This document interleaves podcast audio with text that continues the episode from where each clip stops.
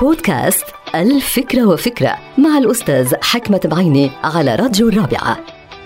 علمتني الحياة.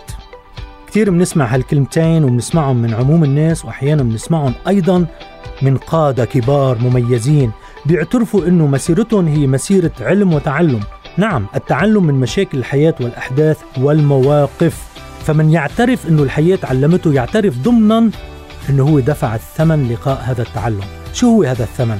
أنا برأيي وسأتكلم عن ثلاثة عوامل فقط الوقت والمال والشعور بالغضب. هن ثلاثة أساسيين في عملية التعلم.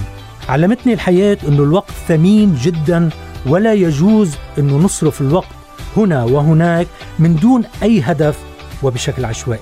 لا يجوز أيضا أن نستخدم الوقت في اللهو الدائم والسهر الدائم والندم الدائم. كمان علمتني الحياة أنه المال مهم جدا وأهمية المال أنه بيجعلك مستقل ماديا وقادرا على إدارة حياتك من دون أن تستجدي مساعدة الناس ماديا. علمتني الحياة أيضا أنه لازم حافظ على مالي لأستخدم هذا المال في أيام الشدة تيمنا بالقول الشعبي المعروف خبي قرشك الأبيض ليومك الأسود كمان علمتني الحياة أنه الغضب هو مصيبة من مصائب الدنيا.